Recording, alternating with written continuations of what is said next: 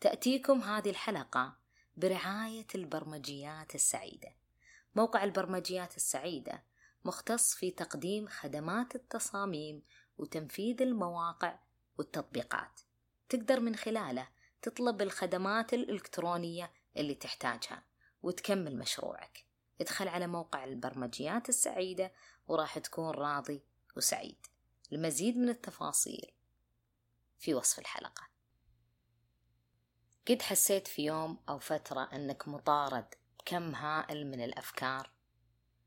ومهما سويت للسيطرة عليها تزيد من حدتها. فأحيان تعلق عيونك بسقف الغرفة عاجز عن إيجاد حل ينقذك من اللي يبدو في اسمه سهل فكرة أو أفكار. تلاشيها واختفائها ينهي المشكلة. بس اللي صاير إنها ضيفة عنيدة ترفض تركك وكأنها تعيش في دماغك للأبد. خلونا نتفق أنا وأنتم أن الموضوع هذا انطرح بشكل كبير وتكلموا عنه ناس واجد. طيب يا نوف وش بنضيف حنا عليه؟ متعودين في حلقاتنا أننا نشكله نعطيه طابع غير ونقرب المستمع بحيث أنه لو يبي يتذكره على طول بيلقط كلمة افتتاحية قالت هنا بسيطة تساعده في الموقف اللي يتعرض له فيتمسك فيها ويحاول يفعلها بسرعة ويستفيد منها. إذا ما نخترع ذرة. ولا نجيب معادلات مستحيلة التطبيق أو خيالية. لا. نقرب لك الشيء كما يجب أن يكون في داخلك أنت كإنسان ونضعه في ضمن حدودك المقبولة اللي باستطاعتك التعديل فيها عشان تحس بالفرق. عدا ذلك صدقوني مضيعة للوقت وللجهد. اتفقنا؟ خلونا نبدأ الحلقة. تدرون وش الرهيب فينا كإنسان؟ إننا نتغير ومعاها طريقة تفكيرنا. نتعرض كلنا لإعادة هيكلة غصبا عننا. هالشي يصير بشكل تدريجي زي بداية الرحلة. ما تشبه نهايتها. مثله بالضبط اللي يحركنا. الدماغ. هذا الكائن بحد ذاته واسمحوا لي بتسميته بذلك لعظمته. فما طرى في بالكم ليه العلم من المهد إلى اللحد؟ لأن بعض أعضائنا توقف عند حد معين. خلاص ما تكبر ولا ينضاف على وظائفها شيء جديد. إلا الدماغ اللي يفضل في تطور دائم يذكرني في شكله أو وظيفته في الشركات الكبيرة. اللي بيئتها متحركة باستمرار. في صفقات على الطاولة تنقل قطاع معين نقلة نوعية في مجالها. فهو يستقبل مئات الأفكار يوميا والتجارب اللي أنت تسويها ويخضعها لآلاف العمليات. يحلل ويربط ويعطيك اقتراحات وحلول. ويعرض لك خطط يدفعك فيها إلى الأمام تزاحم غيرك على الفرص. فأنت تحتاجه يكون في أعلى أداء له. لكن للأسف لكونه في جسد إنسان يحمل مشاعر ويتفاعل مع الظروف ففي شيء أحيانا يعطله يخفف من سرعته ويشوش عليه. بختصرها لكم بسؤال. ليش يا نوف شهدنا في السنوات الأخيرة اضطراب في وظيفتها العقل فصار عندنا قلق صار عندنا تفكير زايد صار عندنا قلة نوم وغيره. الأسباب كثيرة لكن خلوني آخذكم أنا في بعض النقاط اللي بسميها القشرة الخارجية للمشكلة. عدم توافق أجسامنا مع التأقلم مع البيئات الحديثة وهي غير مهيئة للتطور اللي خلقها الإنسان نفسه. يعني مثلا نقلنا الطعام اللي ناكله إلى شيء سريع. فصارت المصانع تعلبة لنا لكن جودته قلت. هو يساعدنا في اختصار الوقت لكن على حساب أنفسنا في النهاية. القيود وش نقصد فيها؟ تصميم الإنسان نفسه في قيود ما نقدر نتعداها. هذه قدراتنا لو بلغت أقصى ذروتها ما راح نتعدى كوننا أجساد بشرية. فمثلها أدمغتنا عرضة للوقوع في كل أنواع أخطاء التفكير ويستمر بعض هذه الأخطاء للسبب نفسه اللي يخلي العين تمتلك نقطة عمية داخلها. فهو مو شيء غريب علينا. كل شيء في جسم الإنسان قابل لهذا النوع من الضرر اللي أحيانا يصير بدون سبب واضح. المقايضات. عندنا دايم منظومة متكونة تستقبل هالمشاعر. فإذا مثلا انخفض عندنا التوتر وصار في أقصى انخفاض فيمكن هذا الشيء يعرضنا لعدم التأقلم مع الخطر اللي محيط فينا. فكل مرة لا سمح الله تجي أمطار بنطلع نكرر نفس الخطأ ونروح للأودية مثلا لأننا ما نخشى مواجهة الخطر. فالتوتر له فوائده لو بقى في مستوى معقول في الجسم. كما أن الجسم مش مصمم عشان يعظم الصحة وطولة العمر. إنما ينقل جيناتنا للأجيال اللي تجي بعدنا لضمان بقاء الجنس البشري حتى لو كان على حساب صحة وسعادة أقل. يستجيب الأشخاص لطلب المساعدة متى؟ لما تظهر عليهم أعراض مثل الحمى والغثيان. كلها نسميها في في علم الطب استجابات وقائية. هي تعلمنا أن الجسم مصاب بمرض لازم أننا نروح نستكشف وش ونعالجه زي هالقلق والغضب والحالات المزاجية وكثرة التفكير. ترى هي استجابات دفاعية. تطلع عشان تنبهنا أن في شيء في منظومة الأفكار أو في عقلنا سيء. أحيان هي مفيدة مثل جرس إنذار. الاستجابة لها يحمينا من تفاخم المرض لا سمح الله. نفهم من هذا إيش؟ إن أجسامنا تتطور ببطء مقابل بيئات سريعة وتتغير بسرعة غير مسبوقة. وهي مقيدة مع أشياء حولنا تزداد خطورة وتهور. صار الإنسان يتعرض دايم للضغط المستمر. فشو تسوي استجابات الدفاعية تطلع دائما على السطح. فأنا دائما أفكر أنا دائما أقلق أنا جودة النوم عندي قلت. بعد ما فهمنا اللي يحيط بعقولنا بنقدر نتفهم إن في بعض الأشياء ما نقدر نسيطر عليها فتعاطينا معاها يخف لو بنسبة بسيطة. بس وش وضع المشاعر اللي تجتاح العقل وتحاول تعيق أوقات؟ خلونا نتفق إنها ما تبدأ تقلل من أداء الدماغ إلا إذا اضطربت. زين ودي أعرف وش يخليها تضطرب في أوقات أحيانا غير مناسبة؟ اللي اختلفوا أكثر من اللي اتفقوا. فجاء بعضهم قال ترى أنتوا عاكسين الوضع. ترى الدماغ هو اللي يخلي مشاعرنا تضطرب. مو هو اللي يفكر بزيادة. بس أجل صدنا. أجل العلة منه وفيه. جاء غيرهم قالوا ما شاء الله. أنتوا تبلعون الخضر واليابس اللي يضرك واللي ينفعك وترمي بلاك على هالدماغ المسكين. طيب هو وش ذنبه؟ يستقبل اللي تعطيه من أكل. بعضهم جاء وقف بين الطرفين عشان يرضيهم. قال لا لا تتعبون أنفسكم لا الدماغ اللي يخلي المشاعر تضطرب ولا الأكل اللي يضر الدماغ. هي عدوى جاية من الخارج مثل الفيروسات اللي تسبب بعض الأمراض العصبية. جو العلماء اللي مهتمين بالسلوك قالوا لا. عادات تفكيرك هي السبب. لا دماغك ولا أكلك. ما لهم شغل.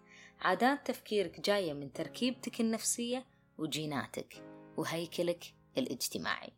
شفتوا هالجدل اللي ما يخلص ويحاول يفسر لنا هالمشاعر؟ للأسف هو قاعد يولد عندنا مشاعر ثانية هي الغضب والإحباط. ورانا ما نعرف وش فينا وبس. فاللي قاعد يفكر بزيادة تلقاه يقول أنا فيني ذابحني التفكير؟ وفلان منسدح يتابع مقاطع في التيك توك ويضحك. فمراقبة الآخرين تستثير عنده مشاعر عزلة وانعدام حيلة. حنا ما نبيك تقلق. إذا لا تقلق. ترى فهم مشاعرنا مو شي سهل هو صعب. أكبر عقبة توقف في طريقنا إننا ما ندرك إن المشاعر السلبية لها فائدة على إنها تغث. وهي تشكلت عشان تنفع جيناتنا في المقام الأول مو إحنا محور الكون. في النهاية هي مو منظومة مصممة عشان وظيفة محددة. فأنا ما أقلق بس عشان عندي بكرة اختبار. أنا مستعدة أقلق عشان أشياء كثيرة ما لي دخل فيها. فصعب نحللها على كيفنا لأنها معقدة وتتداخل مع أمور كثيرة. خلوني أقول لكم قصة صغيرة.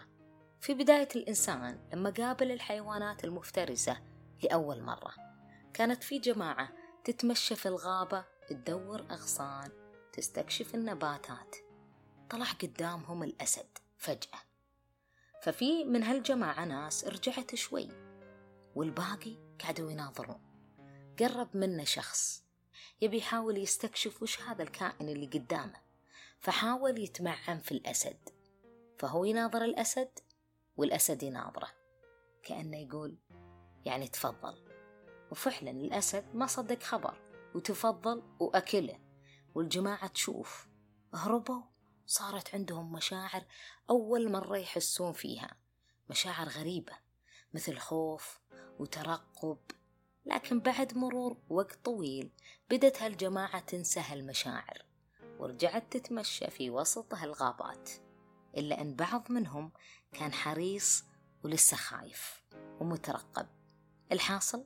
أن الأسد ظل ياكلهم ورا بعض إلا اللي ذابحهم الحرص. كانوا متعلقين فوق الأشجار. يراقبون تصرفات هالأسد إلين حفظوه وصاروا قادرين إنهم يتفادونه ويهربون منه ويبقون سالمين وتمر جيناتهم للي بعدهم. فيمكن جينات هالخوافين ذولا انتقلت لنا. بالإضافة وهذه مهمة ركزوا فيها. أن الطب العام ينظر للسعال والغثيان على أن أعراض تدل على شيء يحتاج معالجة. لكن علم النفس ينظر للقلق والحالات المزاجية والتفكير الزايد على أنها أمراض كثير من المعالجين يقولون تدل على دماغ معطوب. إلين جو علماء النفس قالوا لنا ارتاحوا إحنا بالغنا حبتين والخطأ جاي مننا. إحنا وصفنا مشاعر يمكن لها أن تختفي وتساعد الإنسان أنه يتجاوز وضع معين وظروف معينة على أنها أمراض في الطبعة الأولى من الدليل التشخيصي والإحصائي للاضطرابات النفسية. ولا نظرنا للظروف اللي يعيشها الإنسان العذر والسموحة. لكن نبي نبسطكم شوي. ترانا عدلناها في الطبعة الرابعة فاستثنينا تشخيص أي شخص بعد فقدان إنسان عزيز عليه إنه مكتئب. يعني عادي أفكر بزيادة يا نوف وأخذ راحتي. أنت بالذات إحنا نبيك. حنا حاولنا نخليكم تفهمون الصورة بشكل عام. عشان نجي على نقطة هذا اللي يبي يفكر بزيادة. فكوب قهوة سوداء ولا عربية ولا قهوة كلها سكر ما يهم. المهم إنك تسمع وش بنقول لك. أول سؤال يتبادر في ذهننا وأنا أولكم. أنا ليه ذابحني التفكير؟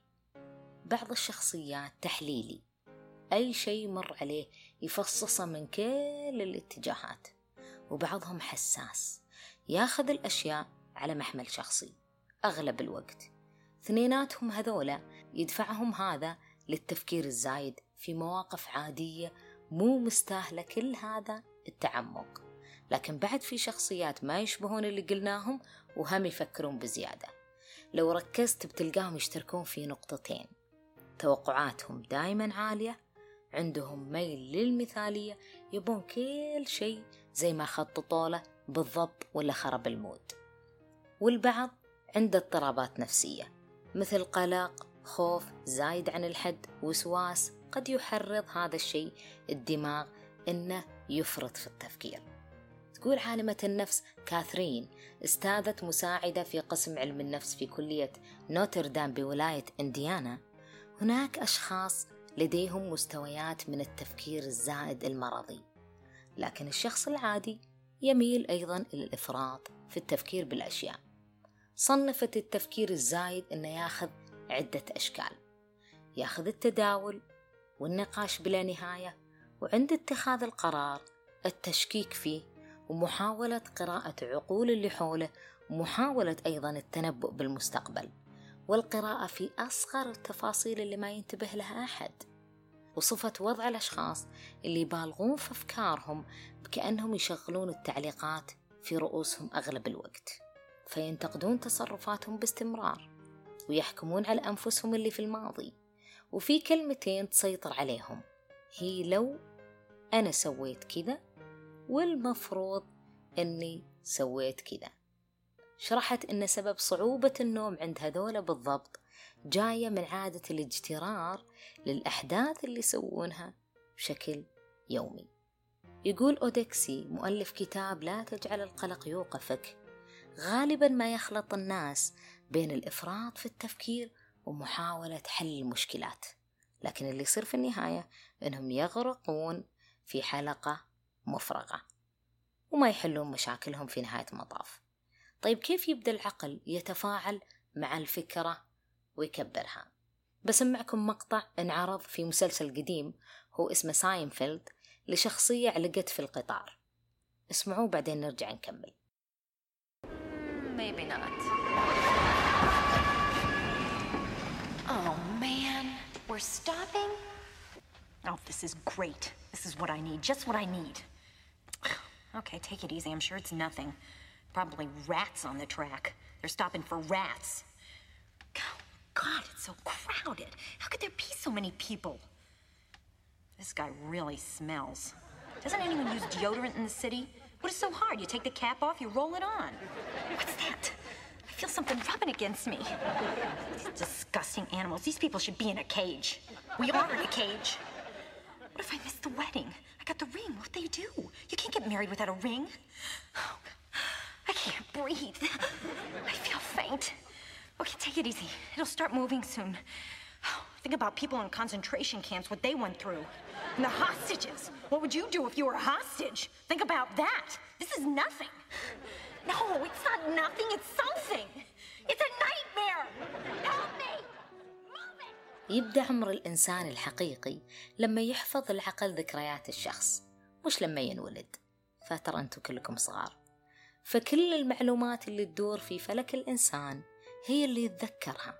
عدا ذلك تراه سراب وغير مرئي. يبدأ العقل بعرض الفكرة بشكلها الصغير اللي عبارة عن نقطة. بعدين يبني عليها أحداث تبدو متسقة معها يعني متشابهة معها في سياق درامي وغير واقعي. ومن المحتمل يعني بنسبة كبيرة أن يكون خيالي. يكبرها لين تتحول شيء عملاق يخوف. بعدها يعرض عليك هذه الأحداث عشان يحاول يقنعك باحتمالية حدوثها. فتبدأ أنت تصدق وتقول والله ترى بتصير بنسبة 99% يبدأ هنا الخوف يسيطر عليك وتقلق وتفكر كيف تتخلص من هالأحداث اللي مو واقعية. تطمن. أغلب الأشياء اللي تدور في ذهنك الحين احتمالية إنها تصير صفر بالمية. أيضا الإفراط في التفكير مو دايما مرض أحيانا يكون عرض لاضطراب القلق العام وأحيانا بعد يكون شيء طبيعي بسبب ظروف يمر فيها الإنسان. وفي ناس ما يقدرون يوقفون عقولهم عن التفكير مهما سووا. ليش؟ لأنها تكونت زي العادة يمارسونها بشكل يومي. هل أنا أقدر أفتك من عادة التفكير هذه أو أكسر هذه العادة؟ لازم تعرف أن التفكير مو كله سيء وله جوانب منفعة حتى لو جاب لك صداع فاللي أنقذ القدامى من فم الأسد كان تفكيرهم وحرصهم الزايد. تلخصت أغلب الحلول في التشتيت لكن هالحيلة مو دايما تنجح خصوصا مع إنسان في عصرنا الحالي. هو أصلا مشتت خلقه مع ذلك مطارد بكمية كبيرة من الأفكار. إذا داويها بالتي كانت هي الداو. دام تتدفق الأفكار ويحصل هذا بشكل يومي استفد منها بغض النظر عن جانبها السيء اللي أنا أعتبره كثرتها. استخدمها في إيش مثلا؟ في تكنيك يسمونه تكنيك الرياضيين. فعقلهم يشغلونه ويعطونه وظيفة مدرب. فإذا وصل للرقم تسعة يسمع صوته يقول يلا يا فلان. ها باقي واحدة. بعدها بتخلص التمرين وترجع في البيت ترتاح. في المشي بدال ما تسرح بكم هائل من الأفكار ويصير الوضع فوضوي رتبه. سلمى وظيفة مراقبة الخطوات في الساعة أو التحفيز المستمر. وأنت إزاء فوضى فكرية سلمه مهمات ترتيب سريعة. ترتيب الغرفة مثلا غسيل الحوش اقطع عليه خطه القديم. وكأنك تقوله بالعامي دام انك مشغلني وفاضي بسياقات درامية أجل استلم عني هالشي. وساعدني مثلا أقفل ساعة المشي. زاحمة باستخدامات تغير من طريقته القديمة إلى نشاط جديد. ادعمه في رفع كفاءته بموية أوميجا 3 بعد استشارة الطبيب أكلات زي السمك مكسرات توت بطيخ بروكلي هالغذاء كله ترى مفيد له. بتجي أيام يسيطر عليك القلق وتفشل زي ما أنا أفشل لا ترجع لخطك القديم. اخذ راحة تابع مقاطع تضحك تابع مسلسل كوميدي اللي هو. لابد إنك تاخذ راحة. السقوط في دوامة الأفكار ما جاء كذا بسرعة. هو جاء بشكل تدريجي. كذلك للأسف الخروج منه ما في شيء سحري هنا يجي بين يوم وليلة. قد ما تقدر سجل النقاط اللي نفعتك من هالحلقة وحسيت معاها بالفرق. حاول إنك تواظب عليها لو ثلاث مرات في الأسبوع. أنت بتتوقع الرحلة تكون صافية مية في المية؟ لا طبعا. حتى مع إحباطاتك وإحباطات هالرحلة كافئ نفسك. لا تصير مدرب قاسي ما يصدق على الله تتهاون وهاتك يا اجترار للأفكار الخايسة اللي ما تخدمك. يقول بروس هوبارد مدير مجموعة الصحة المعرفية وأستاذ مساعد في علم النفس والتعليم في جامعة كولومبيا. يمكنك تنمية مسافة نفسية صغيرة من خلال توليد تفسيرات أخرى للموقف. الأمر اللي بيخلي أفكارك إيش؟ بيخلي أفكارك السلبية إزاء المواقف أقل تصديق لأنك جبت لها تفسيرات ثانية. وهذا يسمى عندهم في علم النفس بإعادة الهيكلة المعرفية. مو بالضرورة تنفعنا الخطوات اللي نسمعها مئات المرات. قد يعترض حياتنا إنسان تصرفاته هي اللي تجعلنا نوقن إن هذه الطريقة أنفع من غيرها لنا. فضروري ترى نسمع كل الحلقات اللي تتكلم عن إيش؟ عن زيادة التفكير. حتى حلقتنا. في قصتنا لليوم حكى لنا الكاتب هارولد ديكسون عن رحلته عند أحد القبائل البدوية اللي وقتها سكنت بين الكويت والأحساء. كل صيف كانوا يخيمون عند آبار تدعى أبي حليفة وهي تبعد ثلاثين ميل إلى جنوب الكويت. كون علاقات كثيرة مع هالقبائل لأنه سكن بجوارهم فترة من الزمن. فكان يدون عنهم كثير أشياء. ملابسهم تصرفاتهم أنواع الأكلات عندهم خيامهم الأشياء اللي يستخدمونها في التنقل وكثير من التفاصيل. لكن على قولته لقى شيء يميزهم عن غيرهم حتى عن البريطانيين المتمثلين بنفسه وزوجته. فغير أن الناس تعرفهم بالقوة والشراسة والتحمل اللي كلنا نعرفها إلا أن عندهم نفس مطمئنة دائما دائما تشوفها بعينك. في أوقات السلم والحرب في أوقات الشدة قبل الرخاء. فشدة عبارة كانوا يكررونها كثير ويرددونها بإيمان على حسب وصفه حقيقي ينم عن تسليم لله وحده. فكانوا يقولون هذه الجملة كل ما اعترضتهم أنواع المصائب الشتى. لله ما عطى ولله ما أخذ. لما سمعها مرات كثيرة وشافهم يطبقونها أمامه بحذافيرها تركت في نفسه أثر عظيم وساعدته في مناسبات كثيرة.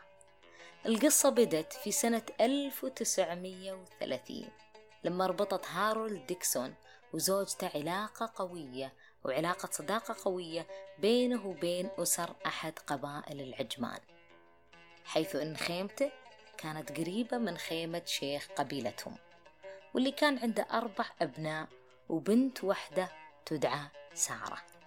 فيقول كان الشيخ رجل وسيم كبير السن ملامحه خشنة ويبلغ من العمر ستين سنة.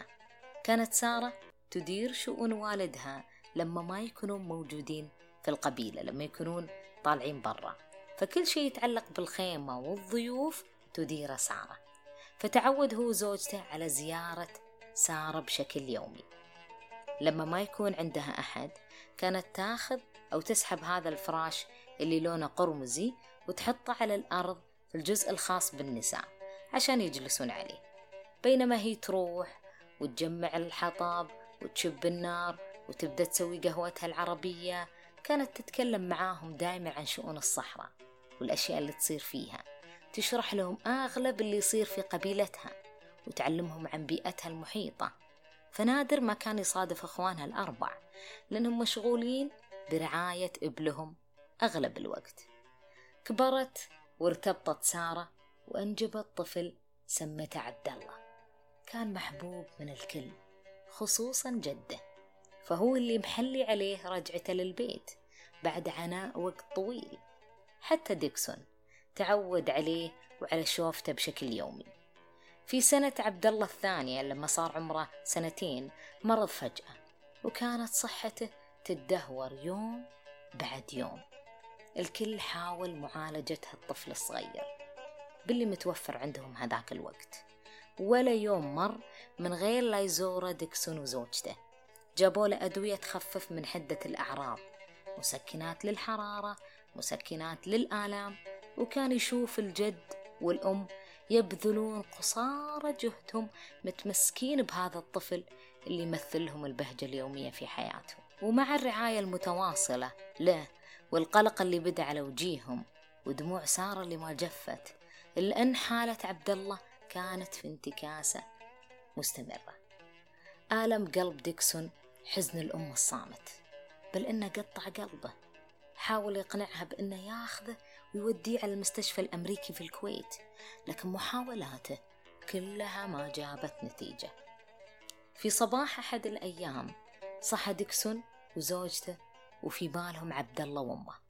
قرروا إنهم يروحون يطمنون على حاله. فلما أقبلوا على خيمة سارة طلعت لهم وهي مرتدية أجمل الثياب وبدت تحييهم وتأشر لهم لمكان الجلوس.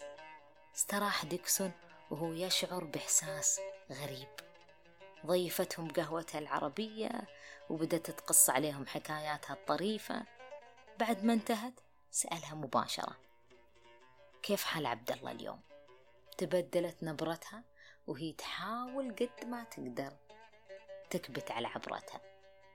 أشرت وراه على بعد ياردات في مكان جلوسهم.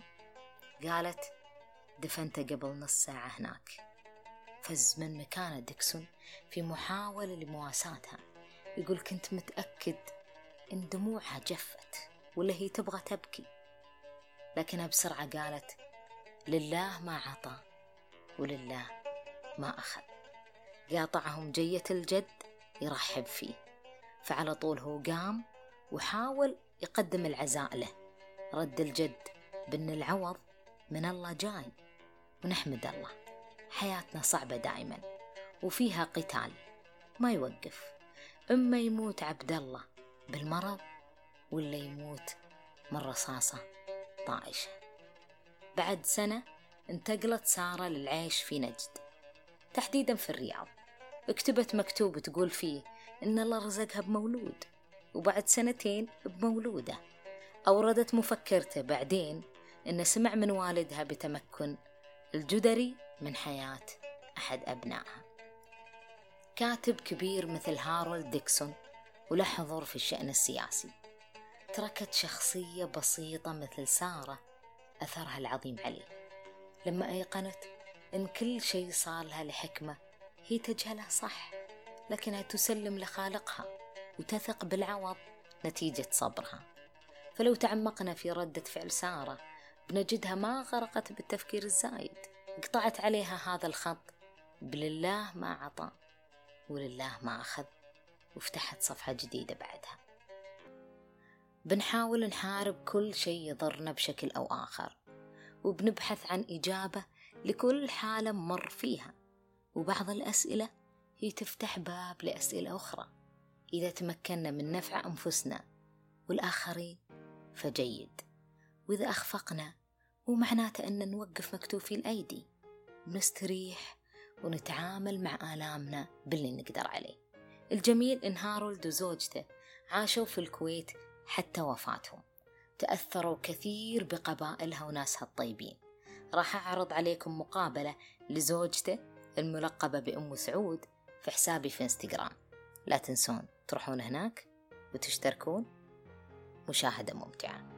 قبل لا نختم الحلقة ودي أوضح لكم شيء. أنا أميل دائما في عرض أفكاري للاعتدال في أغلب الأمور وهالشيء أنا طبق على نفسي. خصوصا إذا تهت وما عرفت حل للمشكلة اللي أواجهها بشكل قطعي. لكن مو معناته أن طريقتي تناسبك. أو صح أنا أشجعك دايم تلقى حل لمشكلاتك بنفسك. حلقاتنا هي بمثابة استنارة شيء يونسك يعطيك بعض المعلومات لكنه ما يقلل من شأن المختصين ولا يستبدلهم. لو محتاج مساعدة حنا معك. توجه لأخذها. عمر التعب ما كان عيب. جبلتنا هي النقص. أيضا لا نبالغ في التعاطي مع الأمور البسيطة. ممكن ظروفك صعبة الآن مستقبلا بتكون أحسن. اللي آلمني إن بعض الناس تستغل حاجة الناس للخلاص من المشكلة بحل سريع.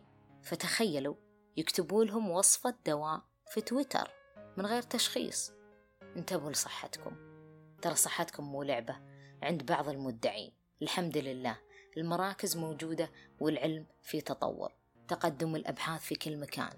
وحنا موعودين دائما باكتشاف الدواء. لكل داء دواء. لا تنسون. تطمن ثلاث مرات أكررها عليك. ثقة بأن الله ما يخلي أحد جاهد في نفسه وسعى.